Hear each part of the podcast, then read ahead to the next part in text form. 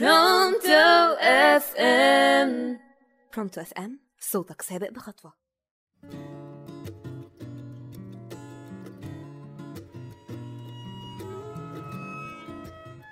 أهلا بيكم مستمعينا من كل مكان. معاكم رضوى أحمد من برنامج لافندر على راديو Pronto FM صوتك سابق بخطوة. من أجمل الشعور اللي ممكن تحسه في الدنيا هو شعور النجاح. لو اتكلمنا عن النجاح هنلاقي طريقه صعب ومش سهل خالص. طبعا مش بتكلم على أي نجاح وخلاص لأ بتكلم عن النجاح اللي مليان شغف وحب وإلهام للحاجة اللي بتحبها. أو بمعنى أصح الحاجة اللي عندك هوس بيها.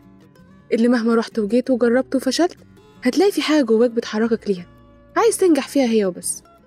كل مرحلة فيها عشان توصل للنجاح ومش بتظبط مش بنعتبرها فشل. لأ لأن كل مرة بتجربوا فيها حاجة شخصيتكم بتبقى أقوى وبتتهيأ للنجاح ده. وطبعا كلنا بنقابل الناس اللي بتقول إنك مش هتنجح أنت فاشل يعني أنت هتبقى مختلف ومبدع يعني في غيرك كتير يعني أنت الفظيع ولا هتبقى مختلف؟ الحقيقة آه كل واحد فينا مختلف. لما ربنا بيزرع فيك حاجة بيبقى أكيد هتنجح فيها بطريقة مختلفة. ولو كل واحد سمع للكلام ده ما كناش سمعنا عن قصص النجاح اللي بنسمعها من زمان لغاية دلوقتي. يعني مثلا في علماء اخترعوا واكتشفوا حاجات ما حدش صدقهم ولا استوعبهم واتقال عليهم مجانين. وبمرور الوقت اكتشفوا إن هم كانوا صح. وإن هم اللي ما كانوش مستوعبينهم ولا فاهمينهم ممكن يكون مشكلتنا إن في ناس كتيرة عايزين نبقى copy paste من حد تاني. بغض النظر إن كلنا جوانا حاجة مميزة. لو اشتغلنا عليها هنبقى مختلفين. يعني لو اتكلمنا عن الشخصيات من الشخصيات اللي نجحت بعد تعب اللي كانوا بيقولوا عليهم مش مبدع وفاشل زي والت ديزني. طبعا كلنا عارفين.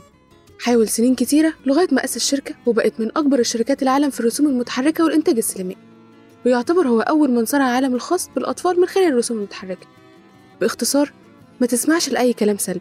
أنا عارفة إنه صعب إنك تتجاهل كل حاجة حواليك ممكن تأثر عليك بالسلب. ورغم إنك تكمل عادي وكمان المشوار مش سهل. وكمان في كل مرة بتحاول مش بتظبط. بس صدقني في مرة وأنت بتجرب هتظبط بطريقة أنت نفسك ما تتخيلهاش. هتتفاجئ هي إزاي كده؟ هي إزاي ظبطت كده؟ جت كده إزاي مظبوطة؟ يعني من أقوال الإمام الشافعي بقدر الكد تكتسب المعاني. ومن طلب العلا سهر الليالي. ومن رام العلا من غير الكد ضاع العمر في طلب المحال ودي كانت آخر حلقتنا النهاردة. استنونا في حلقة جديدة واكتبوا لنا عايزين تعرفوا إيه أو نتكلم عن إيه في الكومنتات. ودايما في جديد